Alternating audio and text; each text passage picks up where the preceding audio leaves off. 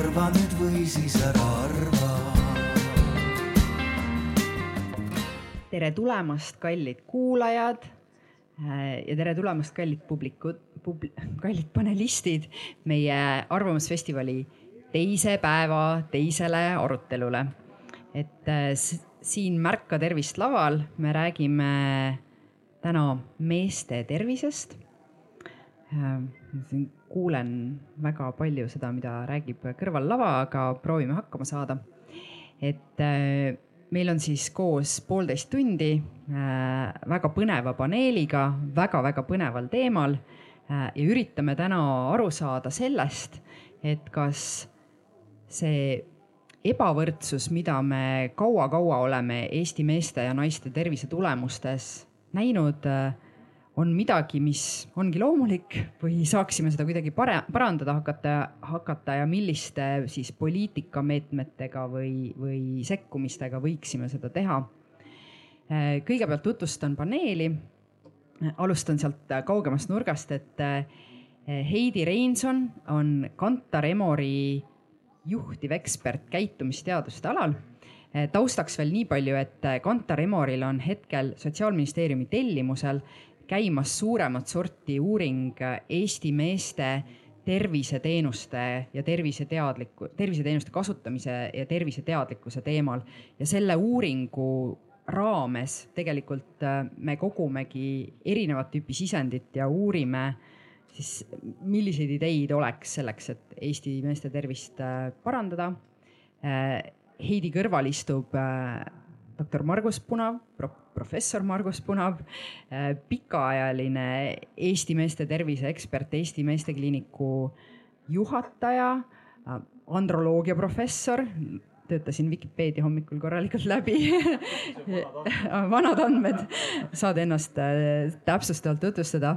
Äh, järgmisena Maris Jesse, väga pikaajaline Eesti tervisepoliitika kujundaja, äh, hetkel sotsiaalministri nõunik, aga, aga hoidnud selliseid põhilisi positsioone nagu olnud Haigekassa juht, Tervise Arengu Instituudi juht, hiljuti Sotsiaalministeeriumi terviseala asekantsler ja ja meie kõige värskem paneeli liige äh, Villu Viikholm. Äh, me tahtsime, et paneelis osaleks ka äh, Eesti mees, kes siis saab sellist Eesti mehe teekonda tervisesüsteemis illustreerida. täna pidi meiega siin olema Hander Lett, kes kahjuks viimasel hetkel sai koroona ja vastutustundlikult otsustas mitte tulla. aga me olime õnnega koos ja meil õnnestus värvata Arvamusfestivali külastajate hulgast ettevõtja, kes äh, lubas meile siis teha Eesti meest ja, ja, ja äh, anda oma perspektiivi siis kõigele sellele, mida, mida eksperdid ähm, äh, räägivad. Hoiaksime selle üldise atmosfääri siin sellise hästi lihtsa ja informaalse, et kui teil on ideid või küsimusi, siis tõstke käsi ja siis saab kohe ähm,, saab kohe äh, võtta menetlusse teie mõtted äh,. räägin veel sellest ka, et me kasutame seda tehnoloogiat, mille nimi on Slido, slido.com äh, või Slido ja, ja pärast selle ähm, arutelu lõpupoole, kui te lähete slido.com'ile ja sisestate sinna numbri kolm, kolm, kolm, kolm, meil on seal küsimus selle kohta, et milliseid väikseid ideid või eriti müksamideid, disainiideid teil on selleks, et Eesti mehe tervist parandada või äh, paremini neid äh, või terviseteenuseid teha paremaks või kutsuda neid äh, rohkem enda tervise eest hoolt kandma, et pärast on selleks aega ja, ja arutame neid tulemusi ka. nii. teeme aplausi, väga hea mõte unustasin ennast tutvustada, minu nimi on Riina Raudne. Äh, olen, äh, mul on ka pikaajaline taust terviseteemadega tegelemisel, aga, aga, aga et kõik oleks läbipaistev, ma ütlen, et olen ka väga, väga väikese kohaga hetkel selles Kantar Emori uuringus siis osaline ja olen, olen teinud paar intervjuud. üldiselt olen, olen siis kursis ja väga huvitatud kõigest sellest, mis siit täna välja tuleb aga alustaks sellisest hästi suurest ja laiast äh, ja põhilisest küsimusest äh, panelistidele. et äh, mis värk selle Eesti meeste tervisega siis ikkagi on? miks Eesti mehed elavad vähem ja vähem tervena elatud aastaid kui Eesti naised? Ähm, et ma, ma, ma sooviksin, et kindlasti on siin selliseid ametlikke vastuseid, aga tegelikult ma paluksin panelistidel rääkida just teie enda lugemuse ja kogemuse ja vaatluste põhjal, et mis need paar sellist põhilist põhjust just teie, teie isiklikust meelest on? et võib-olla alustame, äkki alustamegi meestest endist. Villu, said kohe lavale ja kohe pannakse niimoodi äh, mikrofon pihku ja lisaks sellele, et, et ma sain teada, et ma tulen siia istuma umbes viis minutit tagasi, et, äh, et siis kõik on nagu väga värske. Äh, no Eesti meeste tervis, noh, ütleme niimoodi, minu sõprusringkonnas on, äh, on sihuke nagu naljalause alati, et Eesti mehe perearst on siis kas kiirabiauto või EMO. et noh, kuidas mina nagu näen, on, on see, et lihtsalt Eesti mees kuidagi ei adresseeri võib-olla oma probleeme kohe lükkab nagu sellega tegelemist edasi, kuni siis on juba nagu suurem kahju tehtud ja noh, see on, ma kardan, kõige sihuke suurem probleem just, et äh, no küll see läheb üle või see ei ole midagi.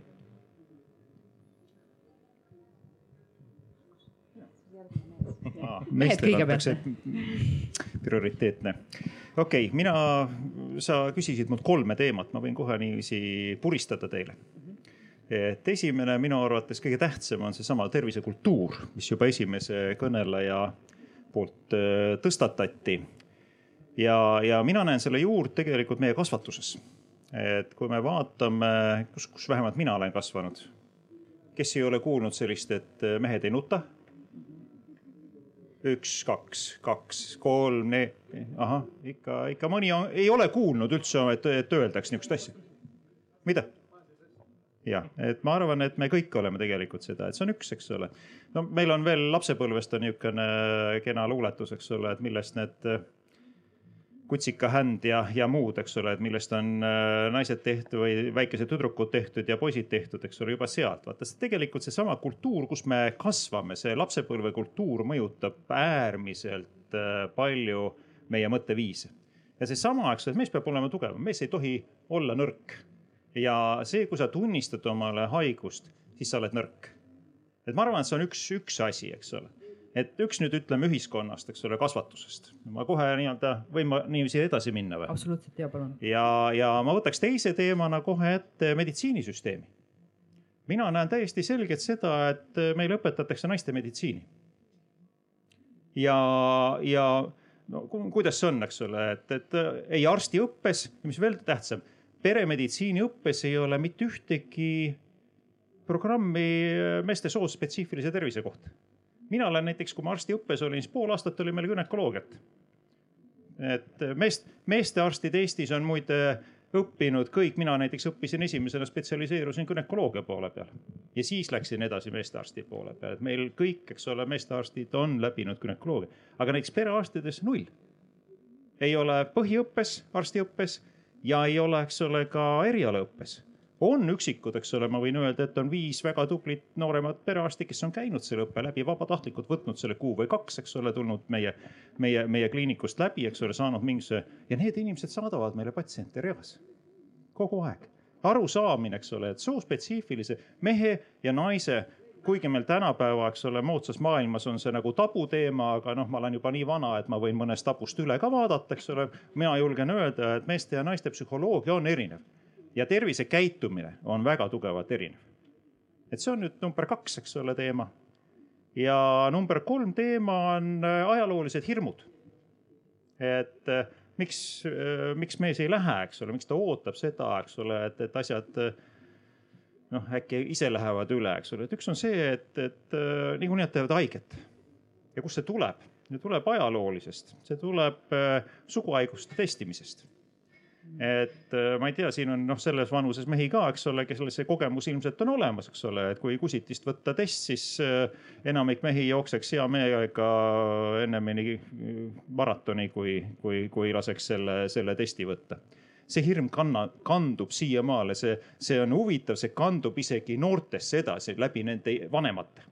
et see on üks huvitav, ma just sellel nädalal teisipäeval oli mul ei, esmaspäeval, vabandust, oli, oli just noorte nõustamises üks poiss, eks ole. isa ütles, eks ole, et see pidi midagi väga hirmsat olema, ma nii kardan. et noh, niisugune see, needsamad hirmud ja hirm tegelikult, mis on mehelik veel, hirm on see, et teada saada, et sul on midagi halvasti. see on veel, et mida, mida kardetakse, nii et noh, ma niiviisi kolm, kolm asja tooks omalt poolt.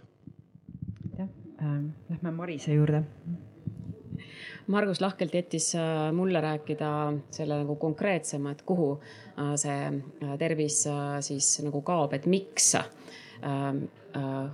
millistel konkreetsetel põhjustel me ei näe enda hulgas nii palju viiekümne, kuuekümne aastasi mehi, kui me näeme, me näeme naisi.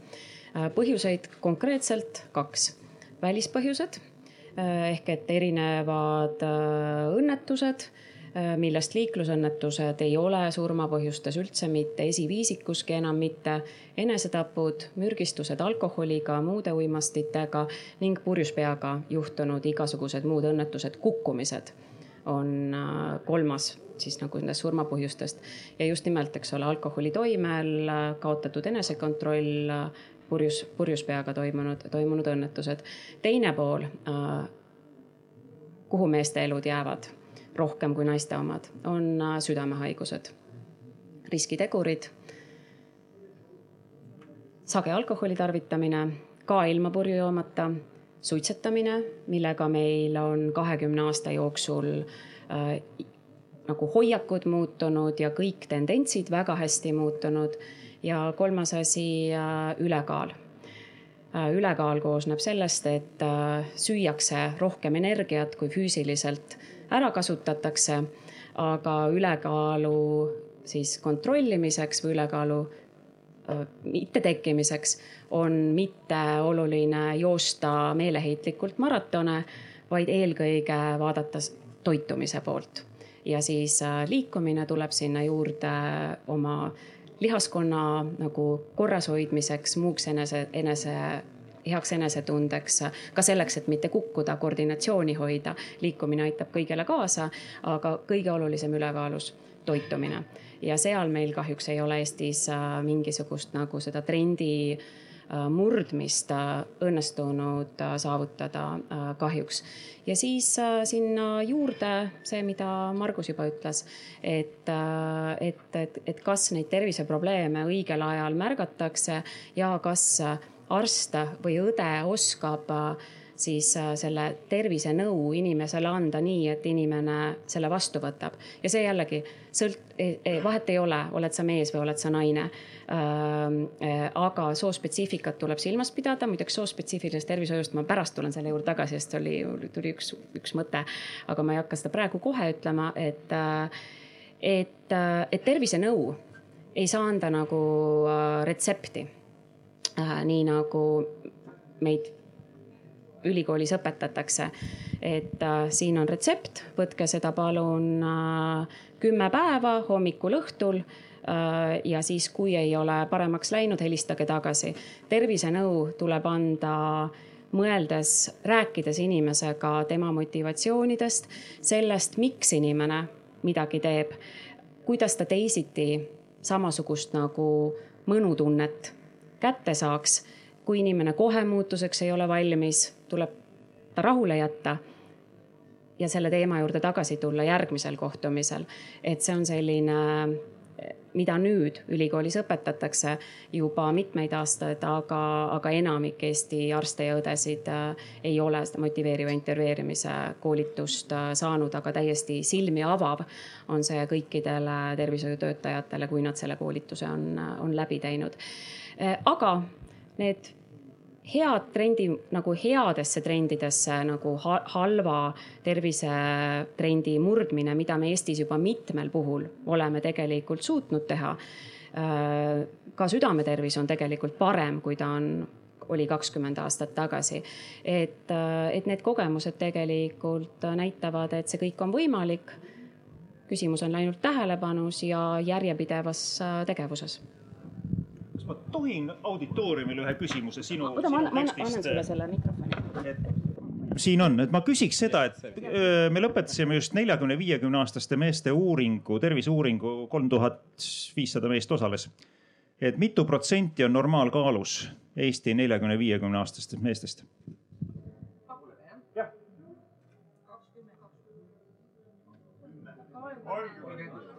okei okay üllatavalt hästi tajute. see oli hea uudis. kakskümmend kaheksa protsenti. siin, siia on tulnudki kuulama inimesed, kes selle pärast mures on, sellepärast nad teavad Rosingut ei ole lugenud väga hea. laseme Heidil ka oma avangu teha ja siis äh, siis ma kindlasti esitan selle sama küsimuse veel ka publikule, nii et kellel on midagi põletavat öelda, hakake juba mõtlema, kuidas te seda ütlete, aga Heidi Reinson, palun. ja et äh, Margus tõi välja, et, äh, et arstide puhul on nagu erinev väl, väljaõpe nii-öelda, et naiste ja meeste tervisemuredest, aga ma siin lisaks veel nagu, kuna me rääkisime põhjustest, eks ole, et siis tegelikult ka poisid ja tüdrukud ja hiljem siis ka naised ja mehed äh, ta, tunnevad oma keha äh, siis eri, erineval tasemel. et, et, et see, ma arvan, on ka üks nendest, mitte ainult ei arva, vaid, vaid ka meie uuring seda kinnitas, et, et see teadmatus Äh, terviseprobleemidest, et, äh, et siin ka arstide intervjuudest tuli välja, et, et mõnikord meespatsient isegi ei, ei tea, et mis ikkagi, et eesnahk või eesnääre, et, et, et, et lähevad, et naiste puhul on seda ikkagi haruharva, et naised ei tea oma anatoomiat nii hästi.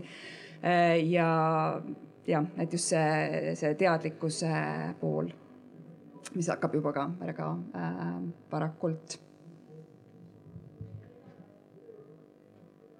küsin publikult ka, kas midagi jäi nimetamata veel mõned aspektid, mis võivad selgitada seda teie meelest, miks just Eestis see meeste ja naiste tervise ebavõrdsus nii suur on?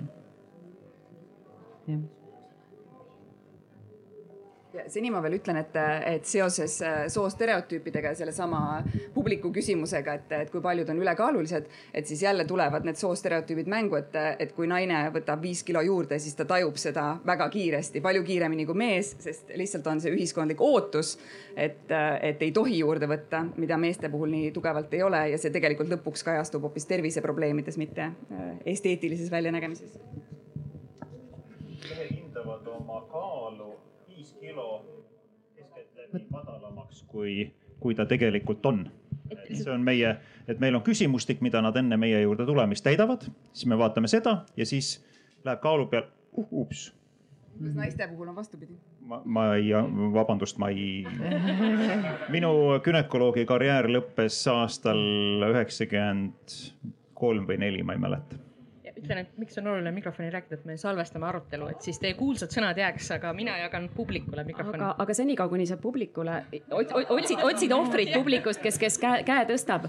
et, et ma lihtsalt ütlen selle väikese nüansi ära, me ei tule selle juurde tagasi, et siis kui Margus rääkis, et, et, et noh, et, et meil, eks ole, ülikoolis õpetatakse nagu naiste tervishoidu, et ja paraku jah, nii on, et enamik äh, Eesti arste on naised ähm, ja see on juhtunud tegelikult mingisuguse saja aastaga või vähem veel, viiekümne aastaga. et äh, sada aastat tagasi äh, samasuguses debatis oleks öeldud, et äh, et meil on meeste tervishoid, kuna kõik arstid on mehed, kes ei jaga nagu naiste tunnetest, äh, naiste probleemidest, naiste hirmudest mitte midagi.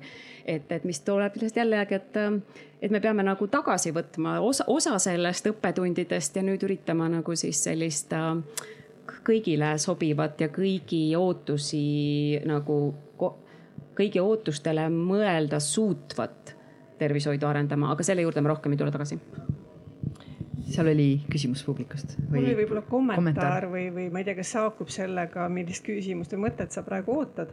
aga et ma olen ise mõelnud, et kas ei tule nagu nendest mõistetest, mida me näiteks kasutame seot-, seoses näiteks ülekaal, rasvumine, et need on ise nagu sellised nagu hästi negatiivse tooniga mõisted, mis võivad peletada eemale nagu üldse sellest teemast.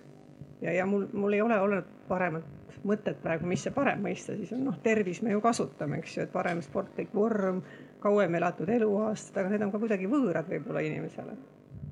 ma võin kohe vastata, ma olen täiesti sama meelt, et negatiivsete sõnumitega minnes, eks ole, ei tööta. kuidas mina näiteks lähenen? mina seletan inimesele, et teie kehakaal lihtsalt ei sobi teile. Teie, teie kehalised näitajad ütlevad mulle, et teie kehakaal ei ole teile sobiv ja see töötab selles mõttes, et ja, ja mida ma tahan, et miks on meeste ja naiste meditsiin erinev, naistele ütled, et nii on. Väga sageli ongi niiviisi, vähemalt nii õpetatakse, et nii on. meeste puhul sa pead äh, veenma, sa pead äh, näitama, meeste, mehed on numbrikesksed. meestele näita numbrit. sinu öö, äh, maksanäitajad on niisugused, sinu testosteroon on niisugune, see on seotud selle sinule mittesobiva kaaluga. Siis mehe enda peas peab saama see mõte tekkida, siis see on tema enda arvamus. Aga siin ehk on nagu, nagu kaks tasandit, et üks on see, eks ole, täpselt, et kuidas inimest nõustatakse, millest ma ennemgi just rääkisin, et tuleb leida sõnad, kuidas, kuidas see inimene avaneb, et kuidas sa tema nagu nendesse hirmudesse, positiivsetesse ootustesse äh, jõuad. aga midagi ei ole teha äh, ülekaal on ametlik sõna, tervishoiustatistiline sõna, äh, rasvumine, obesity tervisestatistiline termin ja sealt see tuleb, eks ole, et, et kui äh, avaldatakse tervisestatistilised rahvusvahelised andmed, siis nad ütlevad, nii mitu protsenti inimestest on obese ja nii mitu protsenti inimestest on overweight. Ja, ja, ja niimoodi ongi, aga numbriline väljend on ka olemas, mida väga hästi saab kasutada, eks ole, see tuleb ju kehamassiindeksist. et kehamassiindeks, protsendid, läks veel üks küsimus on meil või mitte küsimus, vaid kommentaar ja mõte. see vist on küsimus ka või hüpotees, võib-olla eksperdid oskavad öelda, et, et kui see tervis on suhteliselt soos, soostereotüüpne, et nagu äh, austatud mees ütles, et, et äh, perearst on EMO või, või kiirabi, et ja kui toodi välja, et, et toitumine on ikkagi väga oluline osa sellest, mis seda ülekaalu ja tervislikke probleeme mõjutab, et kas siin ei või olla küsimus ka selles, et soostereotüüpne on ka see, et kes toitu valmistab, et kui palju on Eestis neid äh, üksi elavaid mehi, kes lihtsalt söövad selle tõttu ebatervislikumalt, et äh, nad ei oska toitu teha või nad ei tee seda. ma ei tea, kui teil on kellelgi mõni kommentaar või teate midagi sellest, et lihtsalt hüpotees mm väga hea see, küsimus. jah, on äh, ka jällegi uuringu poolt toetatud, et, et see kõige üks suur äh, riskigrupp ongi need üksi elavad mehed, et mitte ainult sellepärast, et keegi ei tee neile äh, maitsvat ja tervislikku toitu, aga ka keegi ei utsita siis neid, et nad läheks arsti juurde, et see on kuidagi nagu naise roll siis äh, käe kõrval viia mees arsti juurde kontrolli näiteks.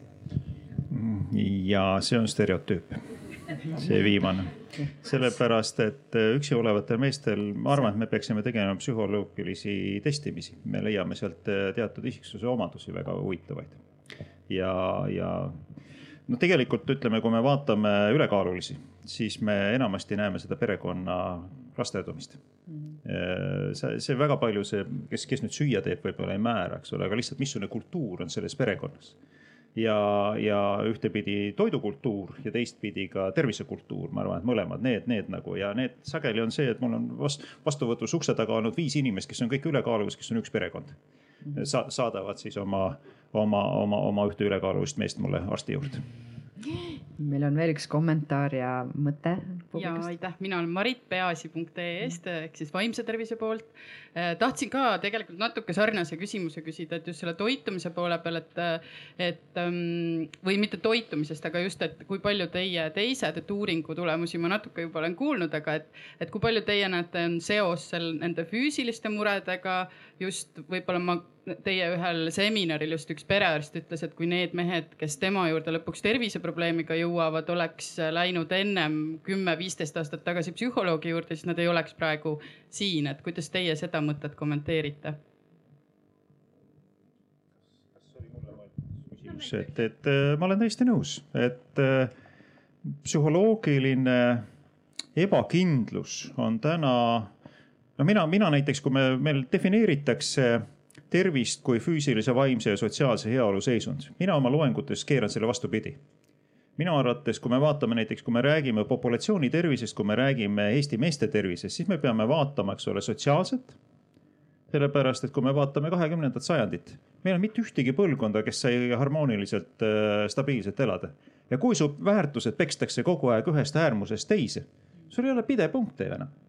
et mina arvan, et äh, kõigepealt on sotsiaalne, siis häirub, eks ole, psühholoogiline, see on hoolimatus iseenda, hoolimatus teiste vastu ja siis tegelikult tulevad terviseasjad sinna. okei okay,, meil on geneetika, meil on akuutsed haigused, aga kui me räägime kroonilistest haigustest, siis mina vaatan täpselt see sotsiaalne, vaimne, füüsiline.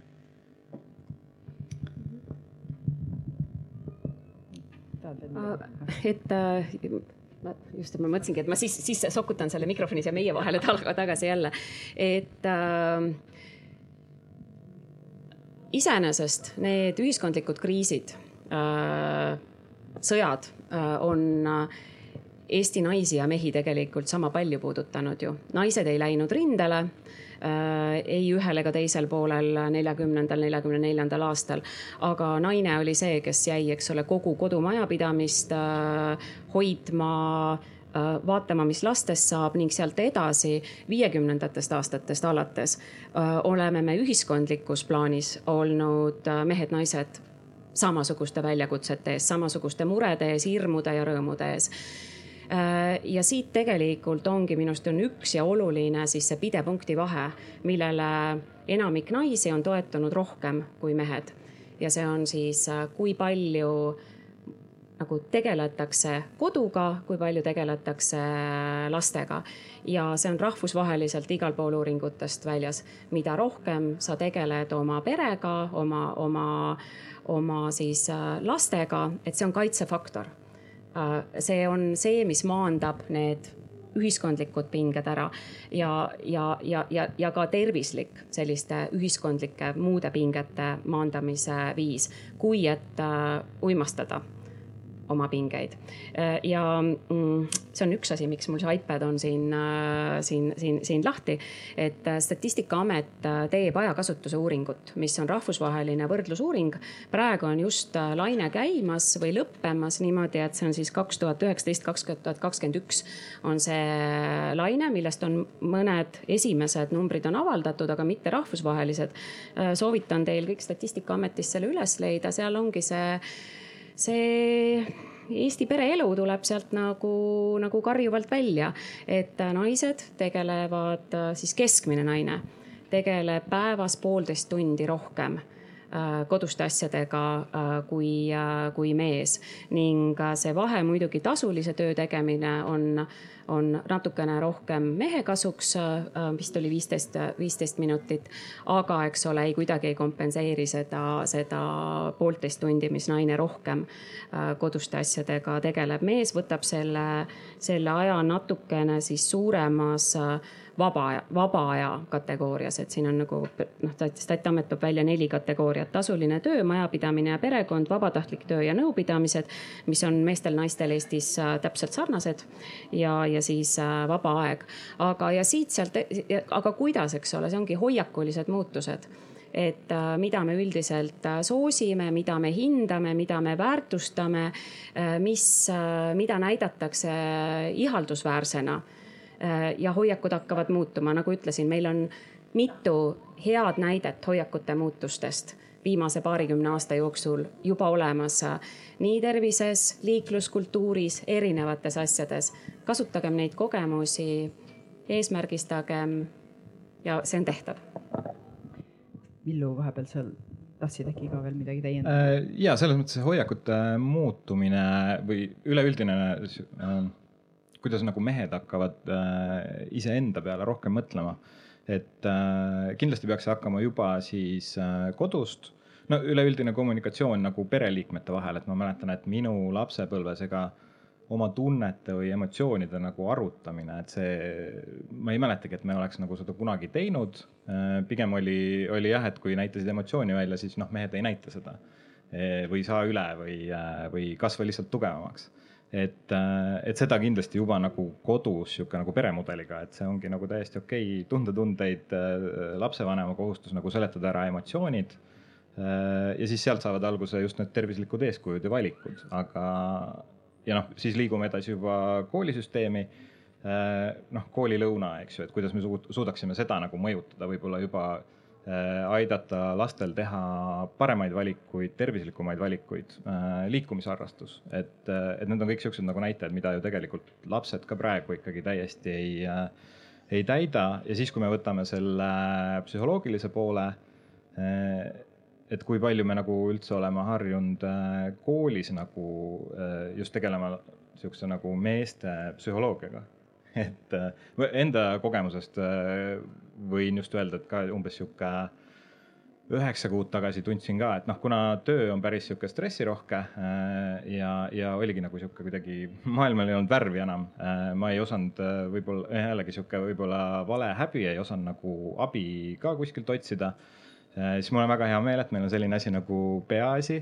see oli esimene lehekülg, mida ma olin kuskilt kuulnud, läksin sinna, vaatasin materjale, leidsin endale sobiva äh, psühholoogi ja, ja tegelikult ei olnudki nagu probleem väga suur, käisin pool aastat ja, ja peale seda oli sihuke, et kuule, et nüüd on nagu kõik hästi, et siin rohkem ei olegi nagu midagi teha, et kui, kui jälle mingi jama on, siis tule ja, ja putitame korda, et äh, et see võib-olla tundub alati sihuke, et issand jumal, ma ei taha sinna minna, aga, aga mind äh, isiklikult aitas see nagu väga palju. ja, ja sealt edasi äh, noh, mida ta võib-olla kõige rohkem õpetas, ta õpetaski enda nagu tundeid, äh, mõttemaailma emotsioone nagu paremini aru saama ja, ja need tegelikult äh, Äh, siis oli nagu selle trenni ja tervisliku toitumise arusaamisest, noh, seda oli palju lihtsam teha lihtsalt, kui sa tegelikult oled nagu iseendaga sõber ja siis, siis kuidagi nagu vaatad, et kõik asjad, mis tundusid nagu hästi siuksed nagu rasked või no lükkasid tahaplaanile, nad isegi võib-olla rasked, aga sihuke, et ma tegelen sellega homme või et noh, see veel ei ole minu mure, siis need äkki, äkki nagu iseenesest toimusid. et, et jah. Mul tuli ka lisa, lisaks veel üks asi meelde, kui me siin võtsime juba maailma niimoodi täiesti pulkadeks võtmise ette, et, et mina olen pikalt alkoholi, Eesti alkoholikultuuri uurimisega tegelenud ja, ja seal üks selliseid põletavaid küsimusi eh, on alati see, et noh, et kuidas siis seal Vahemere maade kultuurides on see alkoholi eh, kultuur hoopis teistsugune kui siin Põhjamaades ja üks teooria selle kohta, mul kohe ei ole nagu palju numbreid siia panna, aga et see on sihuke, üks teooria põhimõtteliselt räägib sellest, et, et see, kuidas need kultuuride erinevused alguse said, on seotud kliimaga juba läheb sinna kuskile tuhat, poolteist tuhat aastat tagasi. et, et Vahemere maades on ju kasvavad viinamarjad, neist tehakse veini, vein on tammepaatides ja seda niristatakse toidu kõrvale aastaringselt kõigile natuke ja purjus olemine, see, et keegi kaotab eneseregulatsiooni, paneb oma eneseregulatsiooni nurka ja, ja, ja teised kuidagi vastutavad see ei ole paljudes Vahemere maade kultuuris üldse aktsepteeritav, et, et kohe, kui keegi selliseid märke hakkab näitama, siis üldiselt teised sekkuvad. Hästi pisikeste selliste silmapööritustega või, või, või sõna otseses mõttes ütlevad, et kuule, aitab nüüd on ju, sa, sa siin äh, praegu teed endal margi täis. Äh, ja, ja siis meie kliimas see alkoholi ajalugu on ja, ja purju jooma ja uimastama õppimise ajalugu on kliimast ja jookidest tulenevalt teistsugune. et, äh, et põhimõtteliselt äh, algas asi kääritamisest, kääritati seda, mida sai, see kääritamise võimalus oli seotud siis nagu aastaaegadega, et kääritati siis puuvilju või, või, või vilja või mett ja tihti kõike segamini tihti tehti seda suures koguses ja see suur kogus ei püsinud kaua. Tuli kähku ära juua see, mis oli tehtud.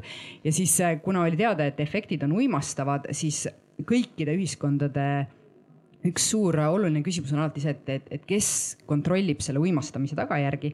Ja nendes Põhjamaades on, on siis olnud pigem nii, et, et see uimastamine ja, ja kuidagi sellest enesekontrollist loobumine on olnud lubatud ühiskonna kõige targematele, tugevamatele äh,, ilusamatele, pikematele olenditele ehk täiselujõus meestele. ja sellel ajal, kui nemad parasjagu uimastavad äh,, kannavad nende naised äh, hoolt siis laste, kodu äh, eest, vaatavad, et, et kui Pearu tuleb kõrtsist hobusega, et siis ta ei pissiks kaevu või ei, ei ähm, ei sõidaks väravat maha. Ja, ja, ja, ja see, on selles mõttes huvitav, et kui sa siiamaani teed kvalitatiivseid uuringuid ja, ja räägid Eesti noorte meestega alkoholist, et siis see alkohol on ka selline areen, kus seda meheks olemist õpitakse ja neid rolle kuidagi õpitakse ja, ja alkoholitööstus seda purjus olemise kuvandit ka niimoodi nagu müüb meestele rohkem ja noh, tänapäeval müüb seda ka seal Vahemere maades äh, kui midagi väga ägedat ja uut, mida nad ei ole kunagi kogenud. aga noh, et see on, see on nagu hästi-hästi pika äh,, pika ja minu meelest ka suure mõjuga selline hoovus Eesti kultuuris, mis justkui kuidagi äh, panebki naised, et noh, et see on, et lisaks sellele, et nagu mehed läksid sõtta ja kogu majapidamine jäi äh, naiste õlule, et ka selline tavaline olukord, kui noh, mees läks äh, mehel ongi raske elu, et tal on aeg-ajalt vaja, on ju, sõpradega natuke aega maha võtta, natuke lõõgastada. Äh, et noh, ta jätab oma asjad mõneks ajaks laokile, et see on kuidagi palju rohkem aktsepteeritud ja naiste puhul see lihtsalt ei ole, et nad ei, neil ei ole kunagi olnud nagu pikaajaliselt aktsepteeritud võimalust niimoodi, äh, niimoodi oma kohustusi maha panna väga pikk monoloog, aga. ei, ma äh, aitäh Villule selle isikliku loo eest ja aitäh äh, Riinale selle ajaloo käsitluse eest. ja ma paneks need kaks kokku, et äh, tegelikult meie jaoks äh, kevadel, kui me neid intervjuusid läbi viisime, siis see oli ka üks selline hästi kurb taipamine, et nüüd, kui on aasta läbi see ähm, kange alkohol saadaval, et siis tegelikult see ongi nagu psühholoogi aseaine et sa siis, et sa ei lähe mitte psühholoogi juurde, vaid sa siis iga noh, et, et, et päris mitmed mehed, see, kuidas nad kirjeldasid Äh, oma seda õhtust rutiini, et nad tulevad koju, et nad teevad paar kokteili, et noh, kui naine ütleb, et teda on vaja sellel õhtul kuhugi sõidutada, et siis sellel õhtul ma siis ei, seda ei tee. üks teine mees kirjeldas, kuidas kaheksa aastat tagasi ta naine suri ära ja pärast seda ta iga õhtu joob kaks pitsi.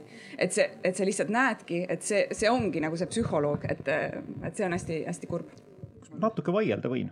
palun jah et äh, mina võin sulle öelda, et see oli Põhjamaade rida, mina olen Tanna saarel Kaava rituaalis, ükski naine ei ole, ei osalenud. et see on tegelikult universaalne mudel. ja teise koha pealt ma ikkagi tahan vaielda sellele, et äh, ilmselt jälle mehed-naised on natukene erinevad. sest noh, kõikides äh, ühiskonna niisuguses kriisisituatsioonides kannatavad mehed rohkem. võtame seitsekümmend viis kuni kaheksakümmend venestamise tipus. sündivus kukkus meeste eluiga kukkus, naiste oma ei kukkunud. Äh, taasiseseisvumine, siis kui meil see kartulikoorte aeg oli, eks ole, et, et äh, meeste eluiga kukkus, naiste oma kukkus ka, aga suhteliselt vähe. mis oli kõige huvitavam see, et see oli nüüd kaks tuhat seitse, kaheksa kus meil oli äh, kiir- äh,, oli buum, majandus, kõige suurem majandusbuum, kus ehitusi tehti kakskümmend neli, seitse, eks ole, ja nii edasi. mis siis juhtus? siis kukkus ka meeste oodatav eluiga ainukene aasta. et tegelikult sellise äärmustele mehed äh, on aldimad, eks ole, nendega kaasa jooksma ja nad kannatavad selliste äärmuste all natukene rohkem. ja alkohol, et võtame, eks ole, et äh, mis oli äh, teise maailmasõja järel sisuliselt oli viiekümnendate alguses oli sul iga kuue kilomeetri tagant pidi olema viinaputka see oli kohustuslik, see oli kohalik rajoonikomitee vastutas selle eest, et viie, viie kilomeetri peal oleks tee ääres viinaputka. selleks, et lihtsalt äh, nii-öelda see, see kogu see küüditamise ja kollektiviseerimise jama inimesed üle elaksid. teine, eks ole, et meil on väga tugev kultuuriinimeste põlvkond, kes sisuliselt kõik olid alkohoolikud. miks see tuli? see oli seesama venestamis, eks ole, tegelikult see, et inimesed ei suutnud ennast realiseerida Nad realiseerisidki ennast läbi selle alkoholi, hävitasid ära. täna, eks ole, mina ei näe, ma ei näe enam alkoholi liigtarvitamist või see on ilmselt mingitesse väga kitsastesse gruppidesse äh, lahterdanud, ma arvan. või, või alkoholi liigtarbijad ei jõua sinu juurde? ei, ei, ei, ma, ei, ma näen neid, näen, mina näen, issand looma mitmekesisus on mul äh, täiesti äärmuslik, aga, aga lihtsalt ma ei näe ka ümber et see on mingisuguse subgruppides, mul on maal ka, et noh, kakskümmend aastat tagasi äh, ükski pidu, ükski mees ei läinud omal jalal peaaegu minema, naised tulid järgi, viisid ära, eks ole. täna sellist asja enam vähemalt viie aasta jooksul enam Nahakülas ei ole. samas vist äh, iga õhtu kaks, äh, kaks kokteili teha pidevalt äh, aastakümneid, et, et seda küll ei näe poe taga, aga selle ei, asemel võiks minna võib-olla. ei, probleeme on selgelt on probleeme on olemas, ega ma ei eita, eks ole, aga noh, ütleme alkohol täna, eks ole, meil on ar arvamus, eks ole, et alkohol on kõige suurem probleem, tegelikult on ta ikka meil ilusti alla läinud. sinu töö väga paljus, eks ole, väga ägedad ja ma, Mari, Marise ja meie, meie paneeli inimeste töö, eks ole, kes öö, suutsid, eks ole, murda selle lobitöö, mis toimus, eks ole, see, mis te tegite, oli väga vägev, et minu arust öö, suur kiitus tead, võtan tänusõnad vastu, aitäh, päriselt. ja, äh, ja, ja, ja ütlengi, et see, mida me tegime äh, aastatel kaks tuhat kümme kuni kaks tuhat viisteist Eestis on täiesti uskumatu, et viie aasta jooksul nii väikese grupi inimestega saab saavutada murrangu mingisuguses sellises hoiakus, eriti kui vastas on nagu tööstus, kes on äh, nagu täiesti mõistetavalt kasumi peal väljas ja lühiajalise kasumi peal väljas, mitte, mitte, mitte siis sellise pikaajalise jätkusuutlikkuse peal väljas. aga et äh, kahjuks tarbimine ei lange, äh, vaid äh, ta kasvab juba viimased paar aastat.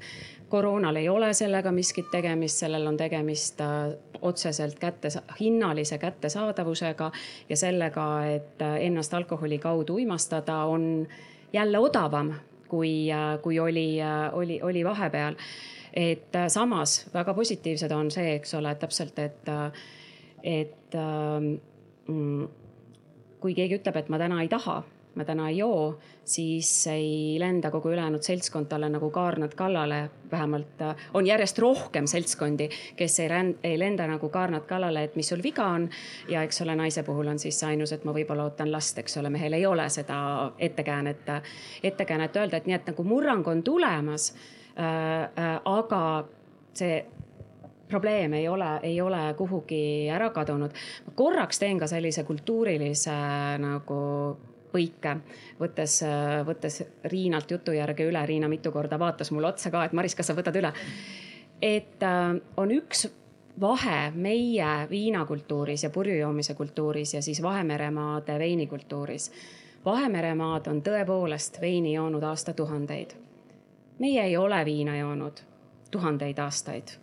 see ei ole mingi aastast äh, kolmsada äh, või, äh, või ka tuhat ükssada äh, Eestis käibel olnud alkohoolne jook. et Eesti viinakatk on ikkagi kommertsiaalsetel alustel toodud siis, kui õpeti, õpiti, eks ole, destilleerima kanget alkoholi.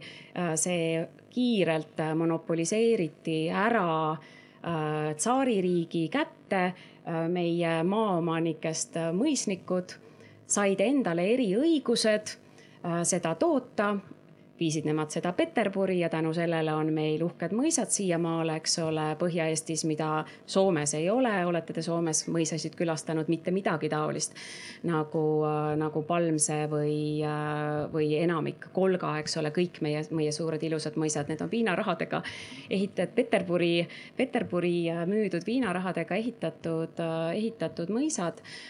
ja nende mõisa, eks ole, kõrtsides Eesti talupoegadele pühapäeval äh, müüdud viin ja see kõik on ainult just täpselt, eks ole, see kõike on ainult kakssada aastat, see ei ole midagi tuhandeid, tuhandeid aastaid meie geneetilisse koodi äh, kuulunud. ja ka õlu, mida siis tehti, äh, eks ole, talguteks ja nii edasi, ei olnud mitte viie koma kahe siis promilline Eh, ammugi mitte, eks ole, seitsmene või kümnene, see oli üks, kaks promilli on ju, et selline oluliselt, oluliselt äh, lahjem. nii et meie geneetiline kood nõuab meilt lahjemat alkoholi, mingem siis nagu sinna Äh, juurde, juurde tagasi ja seda ka mitte iga päev. et äh, midagi, mis Margus ütles, mina olen ka üks Kantar Emori uurijatest, kes nende Eesti meestega kvalitatiivuuringut läbi viis. ja ääretult ühelt poolt tore ja teiselt poolt ka väga südamlik oli õppida, milline meeste siis igapäevatervis on või nende mured ja ma kuulasin seda kannatusvõistlust, mida me võib-olla siin natuke pidasime, et kellel on hullem, kas meestel või naistel. ja ütlen, et see kannatusvõistlus on tegelikult mõiste, mis tuli ka välja kvalitatiivuuringust, kui me küsisime meestelt, kellega ja kui palju te oma tervisest räägite. ja see, mida mulle vähemalt need mehed ütlesid ja mis ka natuke tulemustest siis hiljem ka paberile jõuab, on siis see, et väga palju öeldi, et ma räägin oma naisega tervisest, kui mul tekib tervisemure võib-olla oma emaga, sest tal on see tervisemure olnud, aga ma väga palju aktiivselt oma tervise üle sõpradega ei aruta, sest iga kord, kui ma midagi ütlen, siis kellelgi on midagi hullemat. Äh, ja, ja see juhtus tegelikult mitmes intervjuu kohas väga mitme mehega, kes ütlesid samamoodi ka seda, et äh, kui me küsisime, et kas sa ehk oled siin mõelnud otsida vaimse tervise abi äh, et siis, kui just naine ei olnud öelnud, et ma lähen nüüd minema, kui sa abi ei otsi, ja siis nad olid öelnud, et aga teistel on ju palju hullem kui mul, seega ma ei läinud ja see arusaam, et kuna minu kannatus ei ole kõige suurem kannatus, siis järelikult ta ei kehti või temast ei ole oluline rääkida või teda tunnustada. et see oli üks asi, mis tegelikult sellest uuringust välja tuli, mis on ka väga kahetsusväärne, sest tegelikult meie elu ei ole kannatuste võistlus ja see, kui ühel, eks ole, on natuke vähem kannatust kui teisel, võib tähendada, et inimestel ikkagi on samaaegselt väga olulised kas traumad või teemad, mis vajavad rääkimist aga teine väga huvitav asi, mis võib-olla natuke ka mitte, et me peaks kohe lahendustest rääkima, aga mina märkasin, oli siis see, et väga paljud mehed, kellel olid probleeme nii siis tervisliku toitumise kui ka väga suure alkoholi tarbimisega. et see mure oli siis ka selles, et sageli nähti, et minu alkoholi tarbimine okei okay,, aga see mu naaber, vot tema on joodik. ja samamoodi kõige rohkem oli seda juttu just kõrge vererõhuga, kus inimestel oli kakskümmend aastat öeldud, et teil on kõrge vererõhk ja seda võeti kui otse kui näidet millestki sellist, mis mul lihtsalt on. Äh, ja kuigi see on väga loomulik meil mitte otsa vaadata meie enda elu probleemidele, eriti midagi nii rasket, nagu on, äh, eks ole, kaalu langetamine või tervislik toitumine, mida võib-olla siin toitumisteadlane Uku Vainik on siin, võib pärast rääkida, et see on väga individuaalne või keerukas protsess aga võib-olla see ka väljakutse, et kas meil Eestis on piisavalt teenuseid, ükskõik kui kallid nad on, mis õpetavad ja aitavad meestel oma siis ülekaalu ja tervisega tegeleda. et kas ma kunagi räägin perearsti juures päriselt seda, kuidas kaalu langetada või kas peale selle, et öelda, et kuulge, võtke alla, kas me päriselt on neid kohti, kus me saame, saame nagu ülekaaluga tegeleda. et minu arvates praegu ei ole ja ma kahtlustan, et kui on, et siis äh, naised kindlasti jõuavad praegu ette. et sellised leiud nii, ma arvan, et me kollektiivselt oleme ennast äh, ja ka kõiki online'is ja hiljem järelkuulajaid veennud, et äh, probleem on olemas, seal on palju põhjuseid. Äh, ja ma küsiks, esitaks selle küsimuse, Margus on siin korduvalt öelnud olen ise ka natuke nõus, et no mehed-naised ongi erinevad. Aga äkki need, äkki need ähm, tervise erinevused on ka mingil määral mõistetavad ja äkki neid nagu täitsa elimineerida ei olegi võimalik. Ähm, küsiks, mis te sellest arvate? et äkki me mõtleme üle?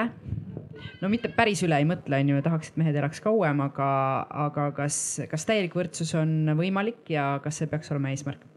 Ähm, ma vist, ma vist vastan, sest ma olen seda otsapidi uurinud, et, see on meie, meie töö, ma olen noh, umbes kolm, kolm suurt Euroopa uuringut oleme nende vananemiste ja, ja terviseteemadel teinud. et noh, julgen väita, et see niisugune bioloogiline erinevus võiks olla kuskil paar aastat. seda ei oska osata hästi seletada, ilmselt läheb see geneetikasse. et või võiks öelda, et, et kuna meil on, naistel on kaks X-kromosoomi ja, ja, ja meestel on X ja Y, eks ole, siis tegelikult nende geenide vastastikune stabiliseerimine võiks olla üks teoreetiline põhjus, miks see päris täielik võrdsus ei olegi realistlik. täna arvatakse, et see kaks aastat, sellele on väga lähedal tegelikult mitu ühiskonda. et meile väga lähedal Rootsi ja Island näiteks. et kus on kõige, kõige lähedasem, tegelikult sinna on üsna harmoonilisse ühiskonda ei ole meil väga kauge tee. ja, ja noh, tegelikult ega, ega me ei saa öelda, et kuni kuni miinus kaks aastat tagasi me olime tohutult ilusal trajektooril me olime Euroopas meeste oodatava eluea tõusu pika puuga liidrid üle Euroopa. see on nüüd alles, eks ole, mis oli eelmisel, üle-eelmisel aastal langes null koma üks. eelmisel aastal vist mitteametlik andmestik miinus null koma seitse aastat nüüd on kaks esimest aastat, kus me oleme tagasilöögi saanud, sinnamaale tegelikult asjad läksid suhteliselt hästi, kuigi me stagneerusime natukene viimasel viiel aastal ka enne seda juba veel täiendusi äkki, Maris? vastab tõele, et Eesti ka naiste puhul keskmine eluiga on Euroopa Liidu kõige kõrgemini, kiiremalt tõusnud, meestel, meestel samamoodi viimase kahekümne, kahekümne aasta jooksul ka nende tagasilöökidega me jätkuvalt oleme, kui vaadata kahekümne aasta perspektiivi. edasi, mis toimub meestega, on hästi palju, midagi pole teha. et see eelmise aasta meeste keskmise elu, üle-eelmise aasta on natuke Covidit, eelmine aasta on, on juba muud riskikäitumist äh, seal, sealjuures, et äh, majanduslangus tuleb, äh, eks ole, et sellel võivad olla meie tervisele erinevad mõjud. Et äh, majanduslanguses äh, tavapäraselt äh, enamike keskmiste inimeste suitsetamine väheneb, alkoholi tarbimine väheneb keskmiselt, sellepärast et raha on vaja muuks eluliselt olulisemaks. see ei lahene, ei vähene sõltlaste puhul, selle nemad vähendavad sealt oma muud eluliselt olulist selleks, et, sest neil ei ole see enam kontrolli all. nii et, et ma praegu arvaksin, et kakskümmend kaks, kakskümmend kolm me võiksime näha jälle teatud tervisekäitumistes paranemist. ka näiteks valmistoitude lang-, kasutamise langus on juba alanud, poed raporteerivad, et, et neid poolfabrikaate ostetakse vähem, rohkem ostetakse hakkliha, ise toiduks, toidu valmistamiseks vajalikke aineid.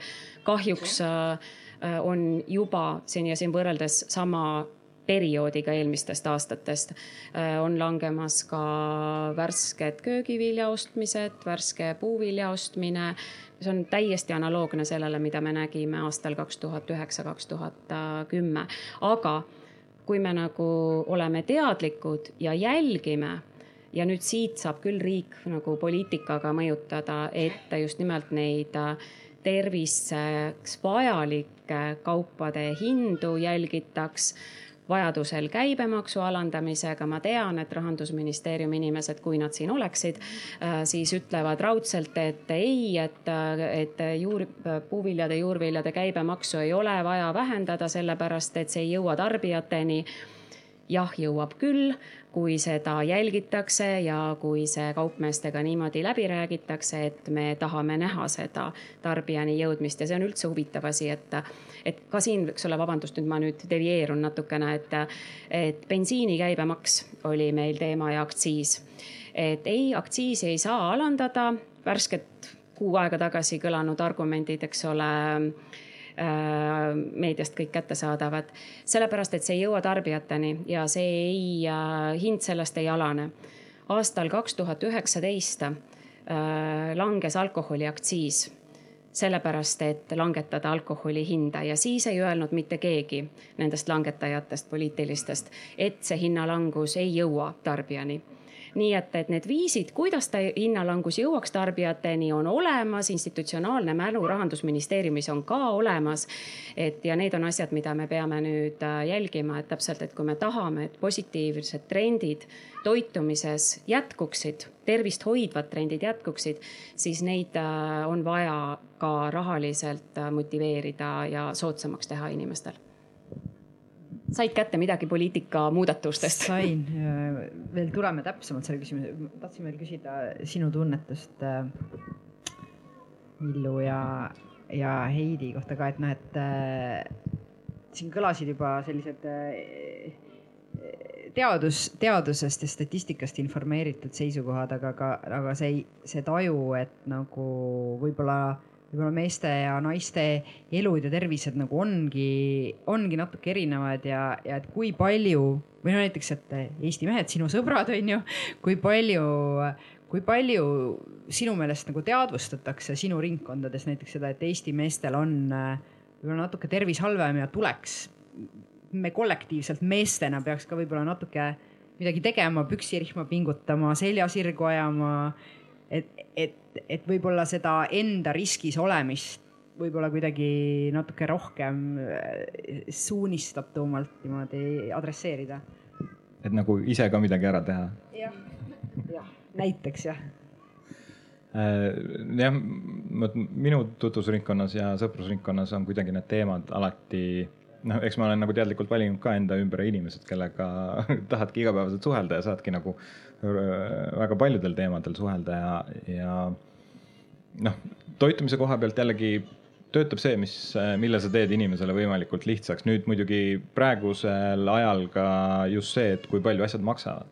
et noh, mõnes mõttes, kui nüüd on tulnud Woltid, Boltid, kõik sellised nagu kiired võimalused, kus sa tegelikult ise ei pea midagi tegema, mis on meeletult lihtne.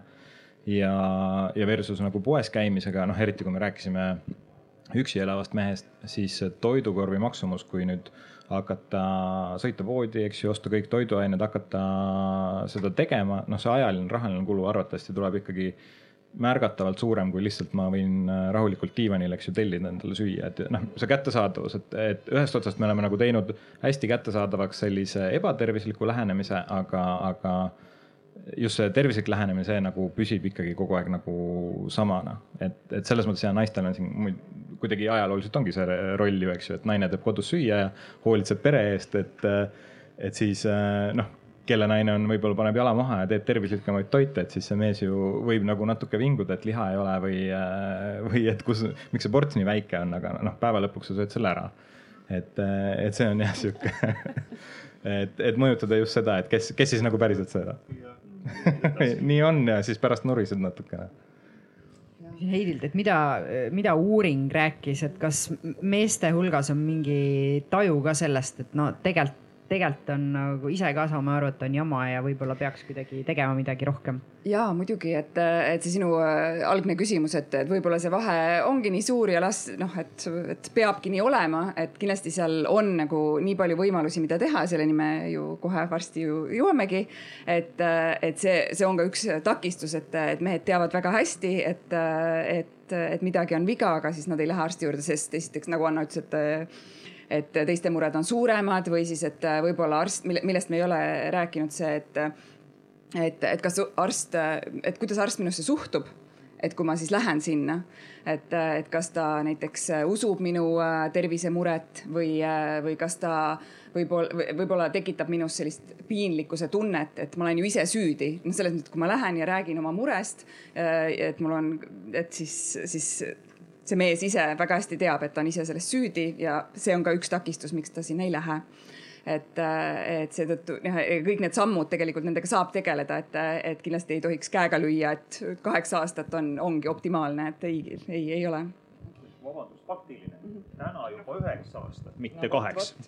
üheksa aastat selles mõttes, et kui me võtame selle eelmise miinus kaheksa koma neli, praegu tuleb, eks ole, naistel vist langes null koma kolm meestel null koma seitse, nii et ta on tegelikult äh, kaheksa koma kaheksa aastat, nii et sisuliselt üheksa aastat on täna see erinevus juba aga, et ma mõtlesin, et see oleks sobiv lause kõige viimases ringis, aga ma ütlen nüüd ära, et siiski, et see on jällegi julgustavana, et, et kõige suurem keskmise oodatava eluea vahe Eesti meestel, naistel oli nõksa peale kaksteist aastat. Äh, nii et, eks ole, et me oleme sellest juba nagu kolmandiku kinni võtnud. tuhat üheksasada üheksakümmend neli jah, et. ajaloopaneel on. et äh, ja just täpselt et, et nii, et, et noh, et see on võimalik, et me nagu noh, nagu et, et, et rõhut-, ma tahan nagu rõhutada seda, see on tehtav, see on võimalik. Äh, et aga, et arsti poole pöördumisel tahan sellest tegelikult jätkata, et täiesti nõus, me keegi ei taha saada kurjustada. ei naised ega mehed et äh, ei lapsed, poisid-tüdrukud, mitte keegi ja kui sa lükkad seda arsti poole pöördumist edasi selle tõttu, et äh, sa ei taha kuulda, et kus te varem olite, miks te seda ei ole teinud. et aga eelmine kord, poolteist aastat tagasi me ju leppisime teiega kokku, et te seda teete. et äh, me keegi ei taha seda kuulda ja, ja see on nüüd otseselt see jällegi, et see, et, et vabandust, ma kaklen kärbsega, et, et, et me ei äh, ära löö.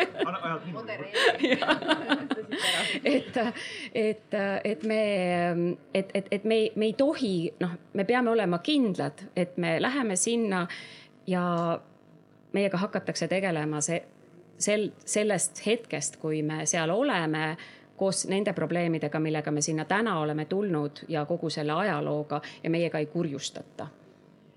Esitangi siis äh, otseselt selle küsimuse, et kas meil on siis vaja kui, kui, kui need erinevused on hetkel nii suured ja me oleme nõus, et tegelikult saaks paremini, et kas me peaks äh, need mehed kuidagi siis äh, teravalt nagu fookusesse võtma ja nendega eraldi tegelema, et kas meil on vaja eraldi meestele suunatud, meeste jaoks disainitud terviseteenuseid ja tervisepoliitikat või me ütleme, et noh, tegelikult meil on see üldine tervisepoliitika ja need terviseteenused, mis nad on, et noh, võtame lihtsalt sugu natuke rohkem arvesse või palju rohkem, et äh, mis teil siin taju on? äkki alustame jälle Villust? No see sõltub täiesti sellest, kui, kui väga nagu Eesti mees siis riigile tähtis on, eks ju, et äh, nii, nii palju panustad, kui tähtis ta on, et äh, noh, kindlasti mina olen nagu seda meelt, et, et kindlasti mingisugune kampaania nagu selle jaoks peaks olema, aga noh, kellelegi ei meeldi, kui sulle kogu aeg nagu tuletatakse meelde sinu probleeme ja, ja käiakse pinda, et tee seda, et noh ma ei tea, see ei ole tavaliselt viinud kunagi mingisuguste heade või jätkusuutlike lahendusteni. Et, et võib-olla see üleüldine teadlikkuse tõstmine, et, et noh, ma arvan, et see mehe sees on olemas see, et okei okay,, ma tahan seda teha, no on erinevad põhjused, miks ta ei tee seda või, või miks see välja ei tule, aga kui me anname nagu äh, talle vähemalt need juhised, kuidas oleks kõige lihtsam teha kasvõi esimene samm või teine samm, et äh, noh, kasvõi info näol riigi poolt, et äh, sa ei pea tegema palju, sa pead tegema hästi natukene ja siis vaatame juba edasi ma kohe siis jätkaks, et siis see, et, et kuidas seda infot edastatakse, et see ongi üks võtmekoht, kus saab selle väga hästi läbi mõelda. et täiesti ilma kokku leppimata, Villu, sa nagu spontaanselt enne mainisid äh, kas see oligi sellesama psühholoogi loo juures, et see putitas nagu, et, et kui, kui on vaja, siis ma tulen tagasi putitama, et noh, et tervist putitama, et nagu, et, et noh, et, et kuidagi rääkida nendest asjadest äh, teisiti, miks mitte siis äh, lausa soostereotüüpselt äh, tervis on nagu auto, mis vajab hooldust, et see ei ole midagi häbiväärset. et, äh, et siis äh,, et siin lihtsalt ma niimoodi lühikese repliigina praegu ütlen, et, et, et see, kuidas me seda infot edastame, võiks olla läbimõeldud soopõhiselt mina, mina võin siin kommenteerida, et ma lähen jälle ajalukku. meil oli ajalootund siin, eks ole, tegelikult kui me nüüd ajalukku süübime, siis kahekümnes sajand oli tegelikult minu jaoks naiste sajand.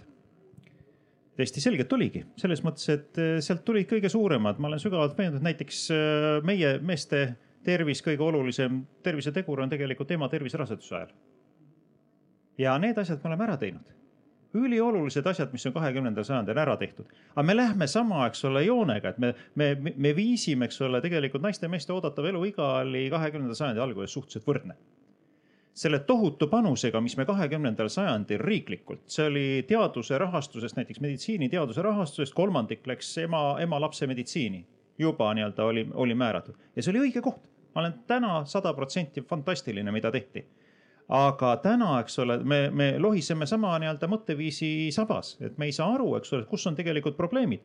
ma, ma ütlen ausalt, et olles üheksakümnendatel naer, naerdi mind umbes kolmesajas auditooriumis välja, kui ma rääkisin meeste tervisest ja julgesin öelda, et meestel on ka reproduktiivne tervis, eks ole, et auditoorium rõkkas naerda mis see siis on, eks ole, täna ei ole seda enam, eks ole, et me näeme, eks ole, et tulevad siin äh, peaaegu sada inimest tuleb kokku ja tulevad ja arutavad meeste tervise üle. tegelikult progress on väga hea, aga see ei ole jõudnud riigi tasandile selles mõttes, et, et kui me riigi tasandile räägime, et meestel on ka vaja midagi, et, et, et tegeleme sellega, kus on probleem siis me ikkagi tegeleme naiste teemadega kogu aeg, mitte sellepärast, et see on, see on rahvusvaheliselt makstakse selle eest naiste teemade eest on Euroopa rahad on selle peale, mitte, eks ole, soospetsiifilisem. meie soovolinik on mitu korda mulle öelnud, et kui ma kuskil Euroopas räägin meeste teemadest, eks ju, siis vaadatakse mulle, et kuule, sa oled mingi reetur.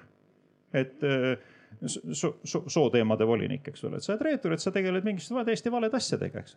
aga küsimus ongi, et kui me oleme harjunud, et me peame lükkama, eks ole, seda ühte sugu aga me peaksime vaatama, kus on probleem, kus on Eesti probleem, kaheksa, täna üheksa aastat juba, eks ole. tegelikult need võimalused on olemas, need ettepanekud on kõik tehtud, me oleme isegi teinud, me tegime siin paar aastat tagasi Haigekassa rahastusel, tegime esimese selle neljakümne, viiekümne aastaste meeste terviseuuringu ära.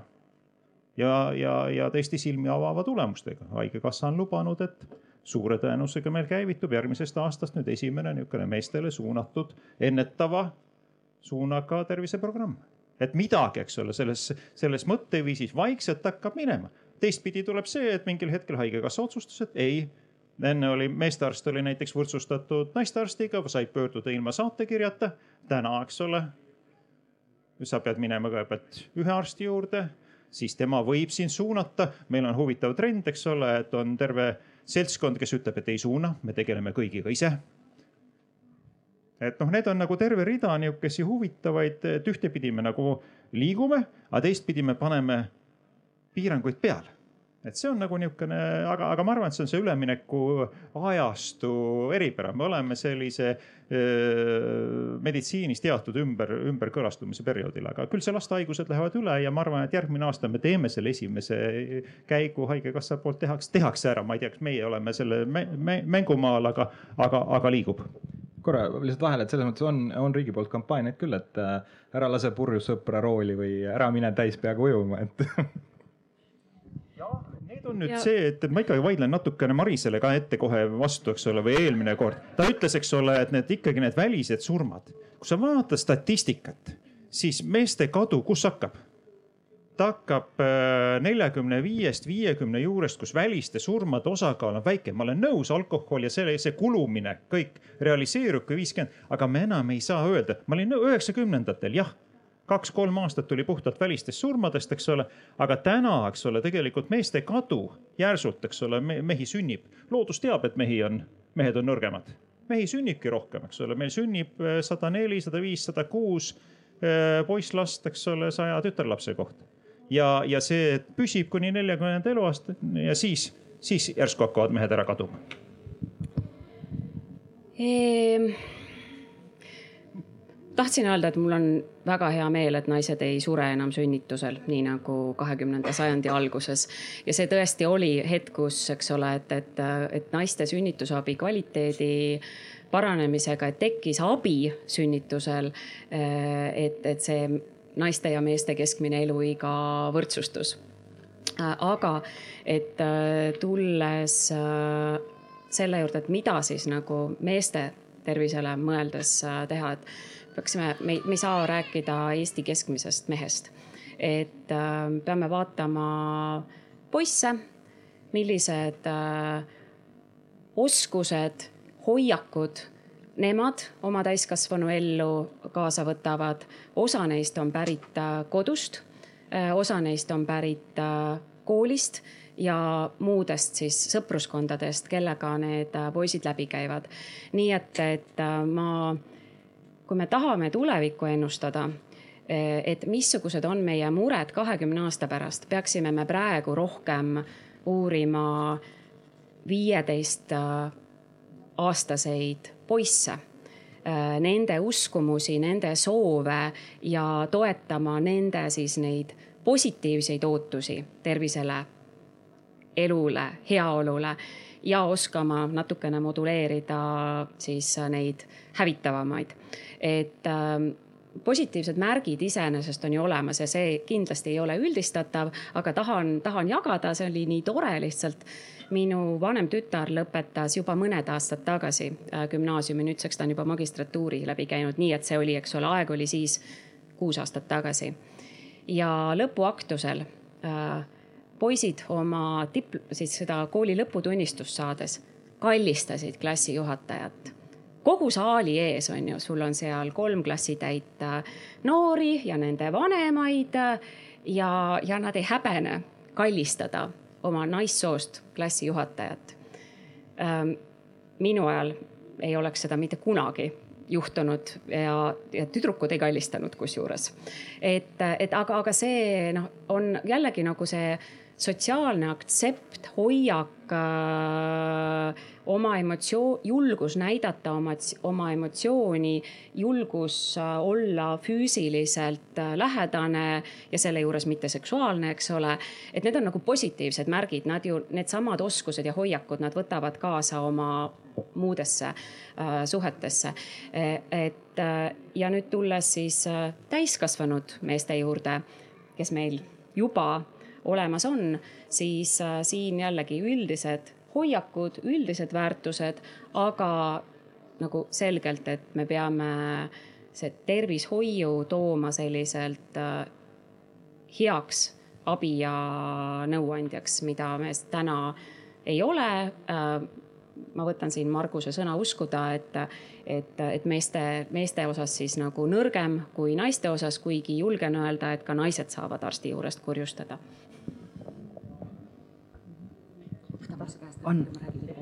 Anna tahtis midagi. Tahtsin korra kommenteerida seda, et mida üldse see meestepõhine tervisepoliitika tähendab, et kuna see on see see kord, kus ma jälle uhkustan, et mina siis uurisin ka seda, mida siis meeste uuringus, et mida riigid üle maailma teevad, et meeste tervist parandada. ja üks siis väga selline suur näide on siis Iirimaa kellel on ka joomisega seal meestel probleeme, ütlen kohe, ja kes on siis loonud siis eraldi meeste tervisestrateegia ja umbes sarnast teed on läinud ka Austraalia, natuke väiksemal määral Inglismaa ja seal siis, kuidas näeb välja see, kui me räägime eraldi meestepõhisest äh, tervisepoliitikast, äh, näeb ta välja niimoodi, et siis peaaegu igal sellisel valdkonna tasemel on see siis tervishoid, alkoholipoliitika, ma ei tea, kütus, mis kõik asjad, on siis proovitud mõelda, et esiteks, mis on kõige suuremad meeste surmade põhjused ja seal tõesti need vigastused, alkohol ja kõik muu, mis Maris välja tõi, on hästi olulised. ja ka seal on siis seatud eesmärk, et igas valdkonnas me peame nüüd midagi tegema, et siis seda meeste tervist parandada. aga see läheb ka nii nagu väikestesse asjadesse nagu, et me peame koolides rääkima näiteks vägivallast et meil oleks vähem mingisuguseid vägivaldseid surmasid. me peame loomulikult tegelema ka tervishoiusüsteemi ja stereotüüpidega, et see on selline kõikehõlmav lähenemine. et mingis mõttes midagi, mida iga valdkond võiks ju teha nagunii, aga võib-olla mingil põhjusel need teemad pole praegu siis esirinnas.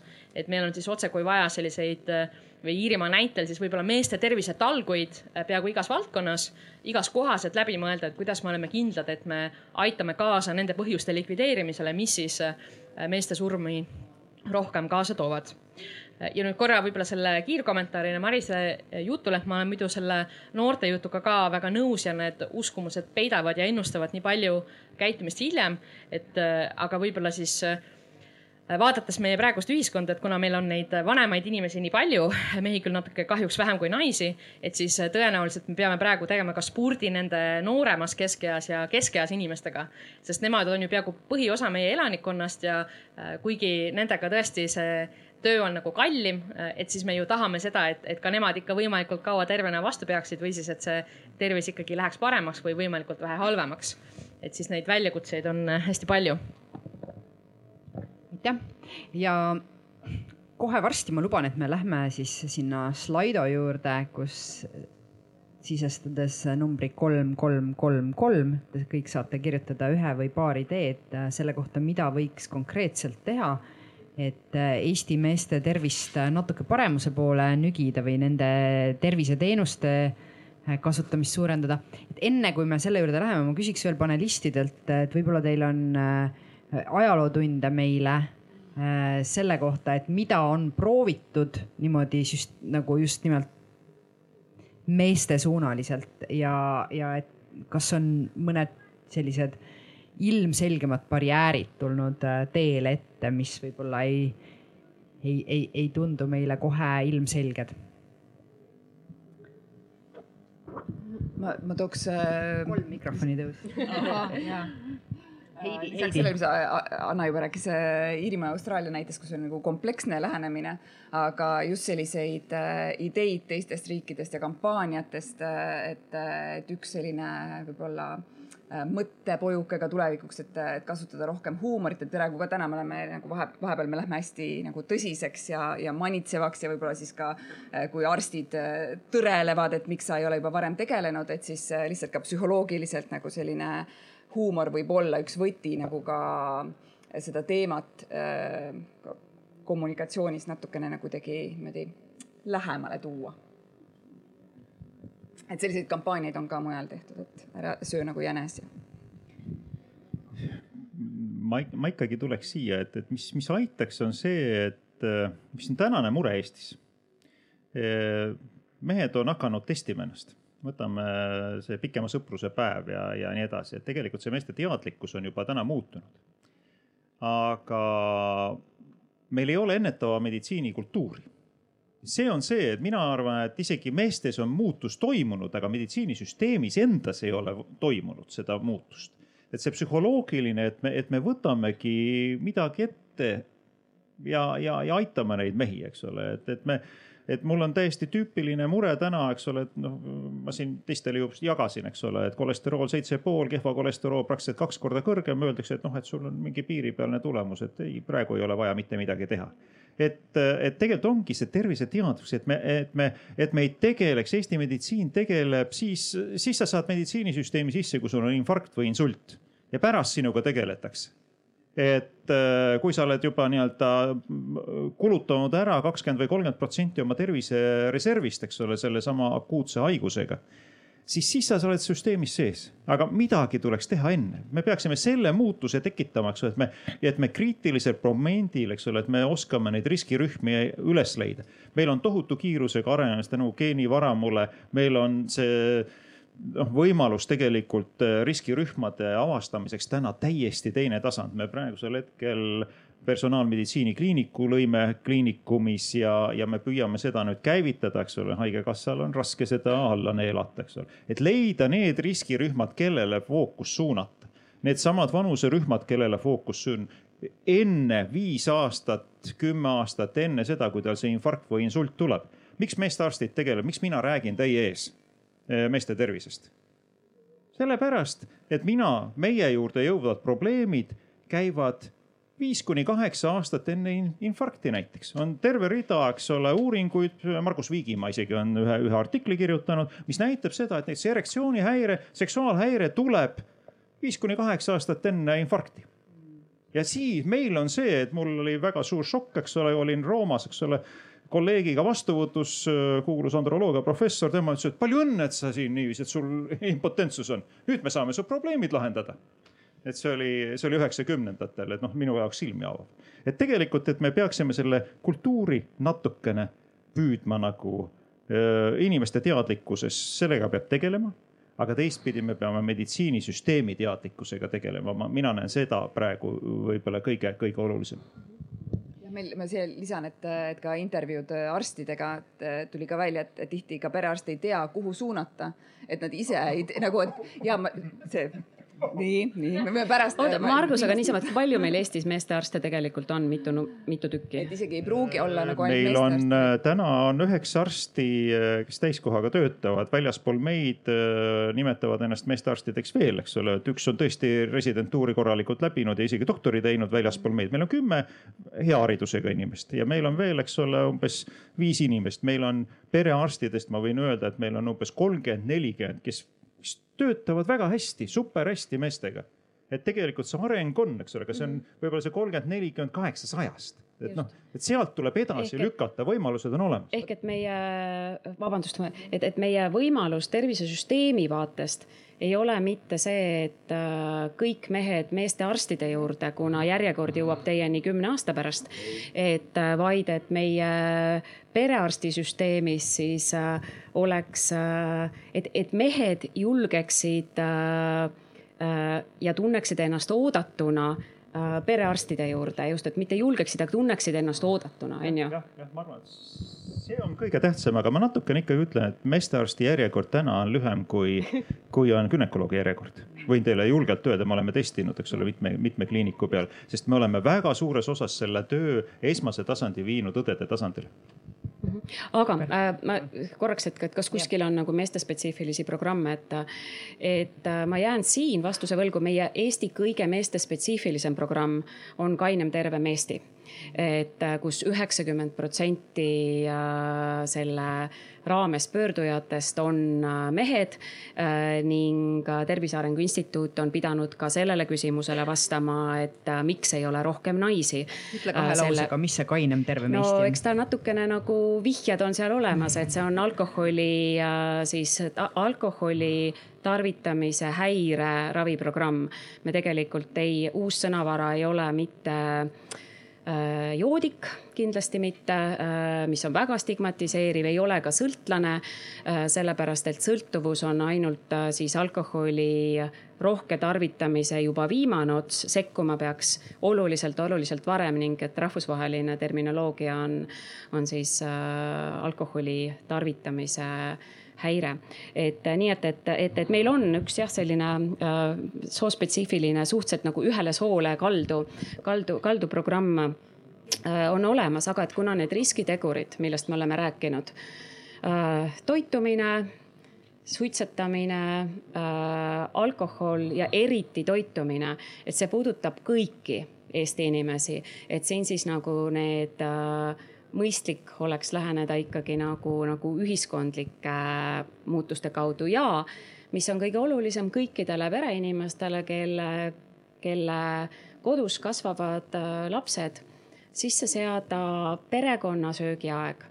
et äh, mina pean tunnistama, mina olen eksinud selle vastu ja see on midagi, mida ma kahetsen, sellepärast et, et, et üks laps on juba kodust väljas ja teine on varsti äh, välja minemas. aga varasest lapsepõlvest ühise õhtusöögi äh, aja sisseseadmine, ükskõik kui kiire on äh, niimoodi, et pereliikmed sellest kinni peavad, et see on jälle üks selline äh, pere, pere hoidmise, pere vaimse tervise hoidmise ja ühtlasi ka siis sellise nagu ühise asja jagamise, mis kandub edasi teie laste kaudu nende nende ellu.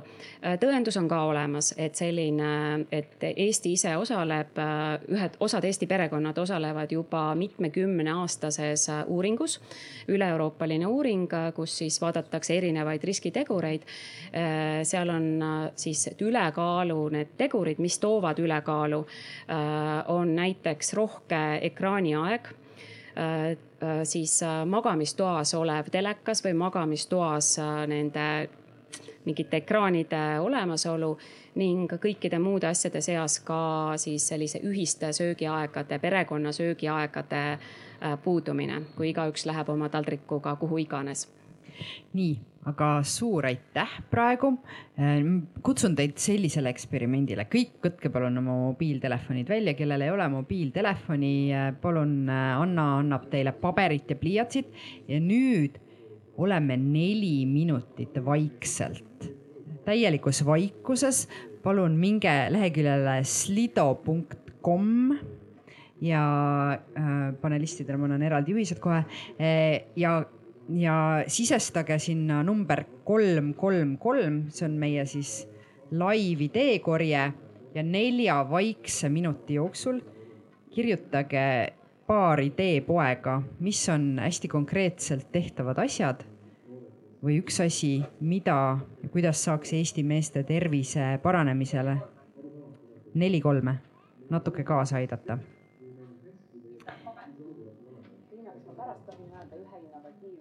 ja, ja kui need neli minutit on läbi, siis me, siis meil on veel kuus minutit aega, et me korraks teeme ühe jagamise ja siis ka kõik panelistid saavad pakkuda oma ühe idee välja. Ja, ja olge siis kõik hästi täpsed ja lühidad.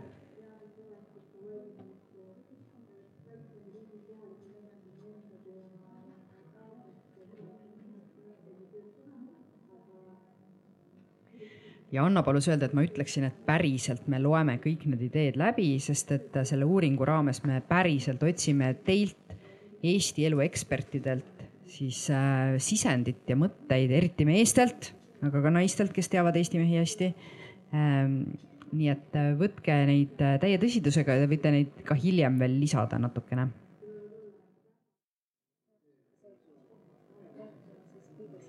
nii, ja kell on viisteist kakskümmend neli. Äh, suur aitäh nende ideede eest, mis on juba laekuma hakanud. et ma küsiksingi küsiksingi paar sellist äh, ideed, mida te kirja panite ja tahate äkki teistega jagada. kellel on mõni, kellel on mõni mõte, mis kohe on keelel ja meelel, äh, palun. aitäh. Äh, mida mina mõtlesin, mind väga kõnetas see just, et alustada noh, nooremast east saati, viieteistaastasest poistest, nagu te rääkisite, et et äh, mis minu arust oleks äh, väga hea mõte, oleks alustada noorte äh, harimist, siis ongi umbes seitsmendast klassist, kolmteist, neliteist. Ja neile võiks rääkida noh, vaimse tervise teemadest, toitumisest, kõigest. Ja seda siis teine meesterahvas, sest et mehelt mehele see näitaks äh, rohkem, et see on okei okay rääkida nendest asjadest, see oleks noh, nagu ikkagi äh, kohe, kuidas ma ütlen, oma soo, oma soost esindaja on kohe teine asi, et see annab seda enesekindlust juurde, kui teine täiskasvanud mees näitab, et neil teemadel rääkimine on okei okay.. ja noh, noorest saati kohe harida, siis äkki töötab. aitäh. lisan siia, et äh, seitsmes klass on natuke hilja ma arvan, et ikka täitsa väiksest peale ja, ja mulle tundub, et hästi oluline oleks, kui isa käiks lapsega arsti juures ja selgitaks, miks see on vajalik, just needsamad regulaarsed kontrollid, ilma et oleks probleem või et hammas valutaks, vaid et tulebki käia mingi aja tagant ja selgitus, selgitus, selgitus.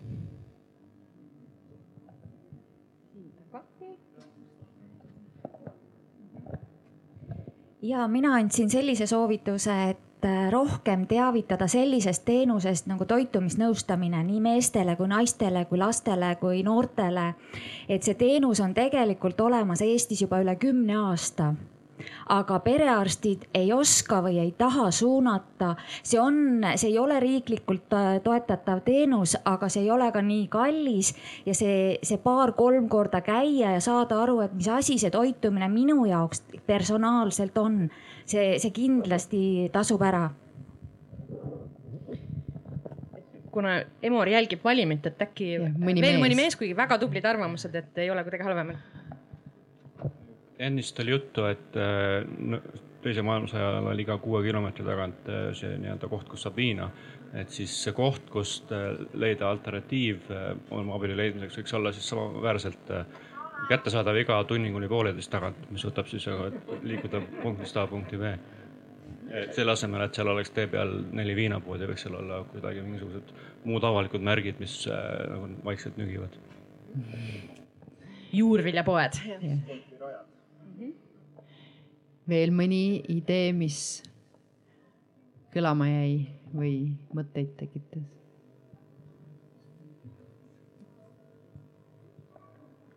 no äkki keegi tahab?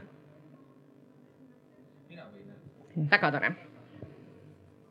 kuna mehi vaja oli rohkem äh,, Talis äh, endine lapspaks ja, ja, ja hiljem ka siis äh, täiskasvanud paks. jess võtsin ennast kätte ja ühel hetkel äh, hiljem võime puu all kusagil pikemalt rääkida, aga Maris Jessele vastukaaluks äh, trenni retsept tegelikult Uus-Meremaal töötab küll. ja mina ning mees, meesperearst Eero Merilind oleme sel teemal ERR-is ka arvamust avaldanud. et, et seal ongi perearst suunab konkreetsesse programmi regulaarse, regulaarne tugi nii et nii füsioteraapia kui ka toitumisnõustamine, kompleksne teenus pikaajaliselt, regulaarselt ei ole niimoodi, et äh, korra tuled, äh, võib-olla näeme, võib-olla ei näe. et, et äh, programm kestab kolmveerand aastat, aasta, eks ole, et piloteerime trenniretsepti Eestis ka. vot, aitäh. väga hea idee. nii äh,, suur aitäh teile ja ma praegu siis annaks veel viimase sõna, viimase ringi äh, panelistidele, et Villu seoses heade ideedega. üks hea idee ja lõpusõna, palun äh,. ideega ma ise, kuna ma töötan hästi palju äh, ettevõtjatega ja väikefirmadega, startup idega, siis äh, näiteks kõige lihtsam tööandjal enda töötajate äh, liikumisharrastust toetada on läbi Stebi aga kasvõi näiteks see, et kui, äh, kui tööandja paneb teatud summa siis riik paneb omalt poolt mingisuguse protsendi veel sinna otsa, et, äh, et oleks võimalik veel rohkem nagu töötajaid siis suunata tervislikele äh, noh, ma ei tea, harjumuste omandamisele.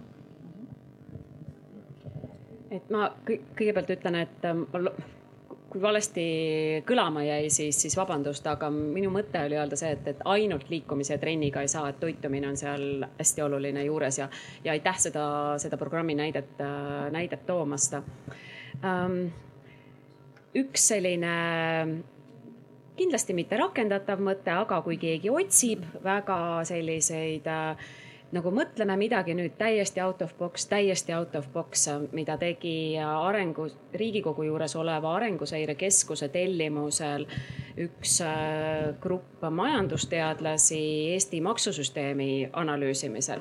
üks osa sealt, äh, sellest ülesandepüstitusest oli siis tervist mõjutavad maksud. mina olin üks inimene, keda intervjueeriti, et nagu ütle mulle nüüd täitsa out of box. siis ma ütlesin, et no ma ei tea, et tulumaks võiks siis kehamassi indeksist sõltuda. Ja, ja siis, kui me hetkel sellel peatusime, siis et tegelikult numbriliselt sobib jube hästi sellepärast et normaalne kehamassiindeks on äh, kaheksateist kuni kakskümmend neli. Et, äh, et siis oleks nagu rahaliselt motiveeritud just nimelt äh, see seal normaalses vahemikus selle kehamassiindeksi hoidmine, nii et kui see kuskil mingis uuringuraportis tuleb, siis see on jah, mingi aastal kaks tuhat kakskümmend üks Äh, öeldud, äh, öeldud asi. mul on nii hea meel, et sa nüüd äh, oma nime all seda ütled, et tookord me ju sinu nime sinna raportisse ei pannud, sest see tundus, et, et äkki ikkagi see on liiga crazy, aga väga tore, et aastaga on nagu vaata. aga see on lihtsalt, kui küsitakse midagi täiesti out of box, palun teile. väga põnev. Margus et ma siin kirjutasin, ma jätsin teistele nagu ühe teema avamata või ühesõnaga jätsin teistele selle teema, et nagu arstil oleks imelik olnud, aga aga minu arust üks kriitiline küsimus, mis ei tulnud üles, on sotsiaalsed ootused meestel mm.. ja sealt äh, lähtub krooniline stress. Kui me neid, noh, mina, mina, ma ikkagi olen selle peaasja nii-öelda, ma peaasjast ei tea, vabandust, ma ei tea väga palju, eks ole, aga, aga ma seda ideestikku, et see psühholoogia on esimene, kui me ei, ei muuda sotsiaalseid ootuseid meestele siis tegelikult me seda läbimurret äh, ei saavuta. nii et ma arvan, et see on üks kõige kriitilisemaid punkte. Heidi. ma lõpuideeks äh, räägin vererõhust, et kuna kõrge vererõhk on väga-väga, väga jah laialt levinud probleem ja mida me ka oma uuringust nägime, et inimesed ei võta seda tõsiselt. Äh, mehed ei võta seda tõsiselt, neil lihtsalt on kõrge vererõhk, nagu see oleks isiksuse omadus. et siis see, kuidas näiteks töötervishoiuarst, kes nagunii kohustuslikus korras peab selle numbri mehele ütlema, et sellel hetkel seda infot äh, anda edasi viisil, et see risk tunduks tõene viies selle kokku ka ühe perearsti ütlusega, et Eesti mehi huvitab ainult nende süda ja siis üks teine organ. et siis, et, et üks viis veel sealt edasi mõelda, et kuidas seda vererõhku, seda abstraktset äh, riski äh, viia mehele lähemale. või ka südame, et mis, mis on Eesti mehele oluline ja et ta saaks aru, et, et kõrge vererõhk ei ole lihtsalt tema kihvt omadus, vaid et ta peab sellega tegelema mm me oleme läinud juba poolteist minutit ajast üle, sest lihtsalt nii põnev oli, ei saanud lõpetada, aga suur-suur-suur aitäh, et te kõik tulite, et te jäite ja et te kaasa mõtlesite ja neid häid ideid äh, jagasite Slidos ja, ja üldse. eriti suur aitäh panelistidele, ma tahaks, ma tahaks veel Villule eraldi aplausi, sest astus Eesti mehena üles lihtsalt äh, tänavalt ja väga ägedalt äh, panustas ähm,. ja suur aitäh, hoiame Eesti mehi äh, ja, ja siis ma loodan, et te võtate ideid kaasa siit, kuidas oma igapäevaelus siis rakendada ja, ja, ja toetada nende enesetoetamist kell, kell kuus vist on vaimse tervise alal äh, teema äh, diagnoos mees, nii et ma arvan, et seal vist äh, stressist räägitakse rohkem ka. selge see, et ega kõike kõike teha.